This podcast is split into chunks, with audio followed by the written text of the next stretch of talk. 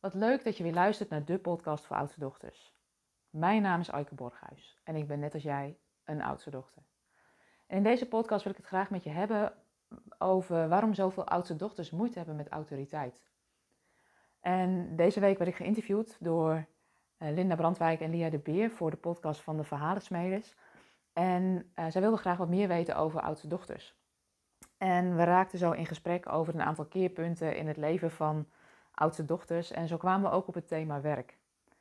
En bijna alle oudste dochters die ik ken, die beginnen niet meteen uh, na hun opleiding voor zichzelf te werken, maar ze werken vaak een tijd in loondienst. En dat herken jij misschien ook wel. En wat ik om me heen zie bij veel van de klanten die ik heb, en het thema wat ik zelf ook herken, is dat we vaak moeite hebben met autoriteit. We vinden het vaak lastig als anderen ons vertellen wat ze moeten doen. En dat gebeurt vooral als we vinden dat onze leidinggevende het eigenlijk niet zo goed doet. Als we stiekem vinden dat we het eigenlijk beter zouden kunnen dan onze leidinggevende. En daar zijn we ons vaak niet zo bewust van, maar daar, dat is in ons gedrag vaak wel zichtbaar. En ik neem je even mee in mijn eigen verhaal. En dat is dat ik um, op een gegeven moment aan het werk ging. En de eerste leidinggevende die ik had, dat verliep eigenlijk heel soepel. Maar dat was een hele heldere leider, wist wat hij wilde, uh, was helder, uh, had visie. Dus daar kon ik eigenlijk prima mee door een deur. Maar op een gegeven moment wisselde ik van baan en ik kreeg een nieuwe leidinggevende. En ja, wat er gebeurde is, ik voelde me verantwoordelijk voor mijn, voor mijn werk. Ik sprong in gaten die vielen en dreigde te vallen. En ik werkte dus echt heel hard. En wat er op een gegeven moment gebeurde, is dat er wrijving ontstond tussen mijn leidinggevende en mij. En ik snapte eigenlijk niet zo goed wat er gebeurde. Maar ik had wel zoiets van, ja weet je, als dit, dit werkt niet, ik vind hem geen goede leider. Of uh, ja, ik dacht stiekem onbewust, ik kan het beter. Dus ik heb op een gegeven moment besloten, nou weet je, dit werkt niet, ik ga een andere baan zoeken. Zo gezegd, zo gedaan. Dus ik zocht een nieuwe baan, kreeg een nieuwe leidinggevende. En in het begin liep dat best soepel. Maar na verloop van tijd gebeurde eigenlijk hetzelfde. Er ontstond wrijving en ik snapte het niet zo goed, want ik werkte hard, ik was loyaal, ik deed mijn best. Ik sprong in gaten, ik loste problemen op. En toch lukte het niet. Dus ik dacht, wat een pech. Ik uh, ga een nieuwe baan zoeken. Zo gezegd, zo gedaan. Ik vond een nieuwe baan. En met die derde leidinggevende gebeurde hetzelfde. Ik werkte hard, ik was loyaal, ik deed mijn best. En het begon weer te schuren. En toen dacht ik, ja, ik kan naar de ander blijven kijken, maar wat doe ik in deze dynamiek met elkaar? Op dat moment heb ik voor mezelf een familieopstelling gedaan, omdat ik dacht: wat gebeurt er nou in de interactie met uh, mijn leidinggevende? En wat ik ontdekte in die opstelling is dat ik eigenlijk een patroon herhaalde wat ik in het gezin waarin ik opgegroeid ben heb ontwikkeld.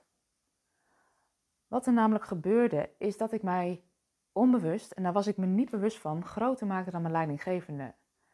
In de ordening maakte ik me eigenlijk groter. Ik vond eigenlijk dat ik beter wist wat hij zou moeten doen dan dat hij het zelf wist. En dat klopt natuurlijk niet, want het is niet mijn plek in het organisatiesysteem. Dat patroon wat ik herhaalde in mijn werk, dat heb ik eigenlijk in het gezin van herkomst ontwikkeld, waarbij ik onbewust en ongevraagd um, me ook groter ben gaan maken dan mijn ouders op sommige vlakken. Mijn moeder die is gaan studeren toen uh, wij nog jong waren. En onbewust heb ik gevoeld, oh mama is heel druk, ik, uh, ik moet bijspringen. En dat heb ik ook best veel gedaan. Dus ik hielp al vrij jong veel in het huishouden en daar is ook niks mis mee. Maar dat is een patroon wat ik onbewust dus in mijn werkcontext ook herhaalde. En pas op het moment dat ik me daar bewust van was, dat ik in de werkcontext een patroon herhaalde wat ik uit het gezin van herkomst, het gezin waarin ik ben opgegroeid, heb ontwikkeld, kon ik me anders gedragen ten opzichte van mijn leidinggevende. Ik kon weer tegen hem zeggen: Jij bent de leidinggevende, ik ben de medewerker, jij bepaalt. En vanaf het moment dat ik me daar bewust van werd, liep um, het contact met mijn leidinggevende ook wat soepeler. Dat werkte niet alleen door in het contact met mijn leidinggevende, maar bijvoorbeeld ook in het contact met mijn moeder. Omdat ik ineens kon zien, oh wacht, ik sta niet op mijn eigen plek. Ik heb de neiging om mijn moeder te vertellen wat ze moet doen. En logisch, dat accepteert ze niet, want het is niet mijn plek. Dus eigenlijk op het moment dat je merkt dat je steeds vastloopt in bepaalde patronen in je werk, dus dat je steeds gedoe krijgt met autoriteit, dan is het de vraag of jij echt op je eigen plek in het familiesysteem staat. Nou ja, een manier hoe je dat zou kunnen onderzoeken is met een familieopstelling. En wat ik daar zelf heel vaak in doe, ook als het een werkgerelateerde vraag is met een patroon wat zich steeds blijft herhalen, is dat ik vaak terugga naar het gezin waarin je geboren bent. Omdat veel van de patronen die je in andere contexten herhaalt, daar zijn ontstaan. En als je daarin je eigen plek kan innemen, dan merk je dat je meer mee kan op de flow van het leven. Dat je minder op wilskracht en minder op doorzettingsvermogen je resultaat hoeft te boeken, maar dat het wat makkelijker gaat. Het kan dan betekenen dat je bijvoorbeeld zegt van, goh, weet je, ik, ehm, ehm, ik kies ervoor om in loondienst te blijven en echt mijn eigen plek in te nemen. Of het kan zijn dat je op een gegeven moment zegt, nou weet je, dan ga ik zelf voor die leiderschapsposities in het bedrijf. Of ik start mijn eigen onderneming. En wat ik om me heen veel zie, is dat oudste dochters ook echt wel die leiderschapskwaliteiten in zich hebben. Want ze kunnen veel verantwoordelijkheid dragen. Ehm, dat doen ze eigenlijk van nature al en dat kunnen ze ook goed. Ehm, ze zijn vaak gericht op dat versterken van het geheel. Van hey, wat heeft die aarde nou als geheel nodig en wat kan ik daaraan bijdragen met de mensen met wie ik werk? Dus daarom is het ook de vraag van, goh, weet je, ehm, je kan denken ik heb een autoriteitsprobleem. Of je kan denken van, hé, hey, ja, wat, wat kan ik doen om me vrij te voelen om mijn eigen keuzes te maken en mijn eigen leiderschap te pakken. We zijn hiermee aan het einde gekomen van deze podcast, waarin ik je eigenlijk heb uitgelegd hoe het kan zijn of hoe het kan ontstaan dat je wat moeite hebt met autoriteit en wat je zou kunnen doen om of je eigen plek in te nemen of te zeggen ik pas niet meer in het systeem, ik start mijn eigen systeem of ik pak echt die leiderschapspositie of rol op me.